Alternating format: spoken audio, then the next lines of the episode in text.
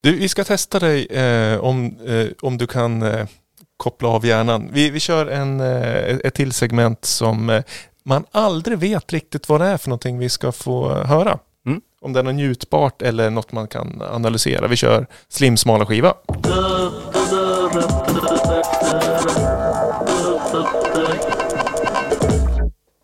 полные мужества и уверенности сообщения, уже сегодня принадлежащей истории, записаны на магнитную пленку.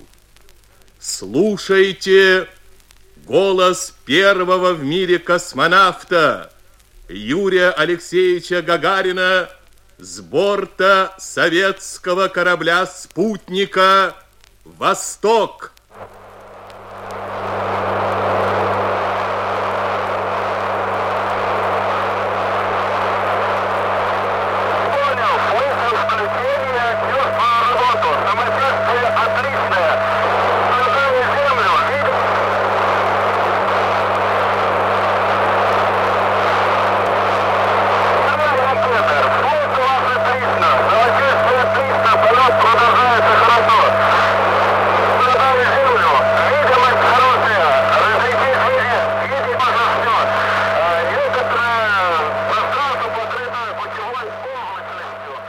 Ja, det är alltså en eh, sjutummare vi lyssnar på.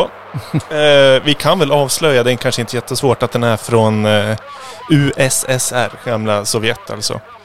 Och jag tänkte det här passar Strömberg på något sätt. Jag vet inte varför. Är det för att du brukar prata om gamla ryska syntar och grejer?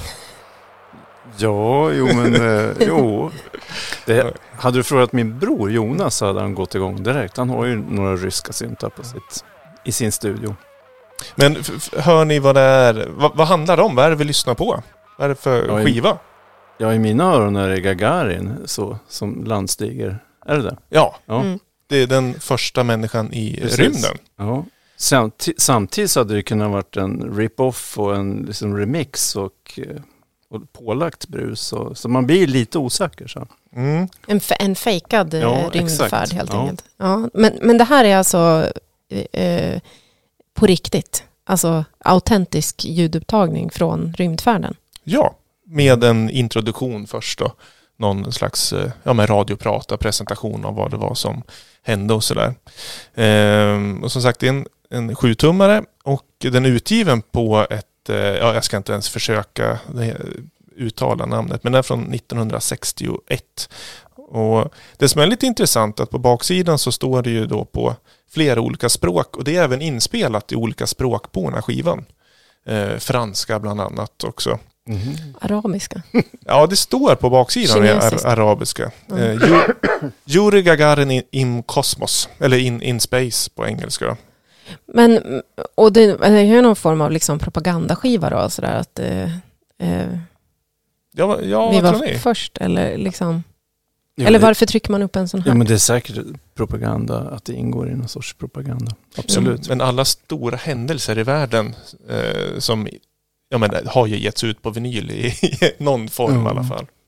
Men alltså det är också kul att använda sådana gamla dokumentära ljud i musik. Det, det, på det sättet så passar det mig, för det är ju någonting jag brukar göra rätt ofta faktiskt. Gamla skräckfilmer från BBC och så här, som jag samplar något litet ljud ifrån. Sen har du ju också ett eh, alter ego när du släpper musik som heter Igor. Ja, Är det ryskt eller har det någon annan? ja det är någon sorts oförtäckt eh, idolskap till, eller fan av Igor Stravinsky förstås. Eh, alltså våroffer av Igor Stravinsky tog jag inte med nu, men jag undrar hur många hundra gånger, ja tusen gånger kanske, jag har lyssnat på våroffer. Det är ett fantastiskt stycke alltså. Egentligen så behövs det inte så mycket mer. det är den enda musiken vi behöver. Jo men alltså den innehåller elektronmusik också fast den inte har några syntar i sig. Men den har ju, den är ju så jäkla visionär. Alltså musiken är helt ofattbart hur man kan göra sån musik i början på 1900-talet. Ja, den, eh, vi, vi lägger med den som extra material om det är någon som lyssnar här som inte har Ja. eh, hört den så får man knappa sig in. Men om vi ska bara avsluta segmentet, var, var det smalt i sammanhanget eller var det, eh, var det väntat att jag skulle komma med en gammal rysk liksom, rymdfärd. Ja, i vilket sam... Jag menar sammanhanget med... Vilket sammanhang? Ja, i min eh, sk- skivsamling med väldigt eh, smala Nej, skivor. Jag tycker det kändes helt eh, i sin ordning. Så. jag är inte Ja. dugg förvånad. nej, nej, verkligen inte. Nej, nej, precis. Ehm, mm, mm.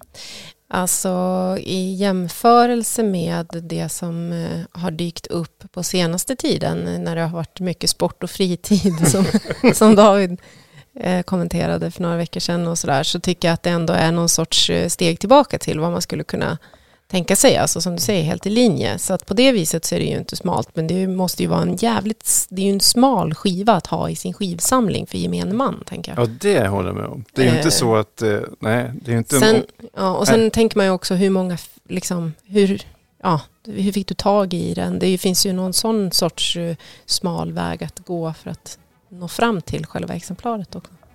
Jag skulle säga betyg, hmm, tvåa. På Som- grund av att, smalhet. ja precis, på grund av att det ändå är liksom rätt väntat. Jaha, man ska betygsätta smalheten. Det får jag också göra det? Ja, Gärna. Eh, ja, jag sätter nog en trea.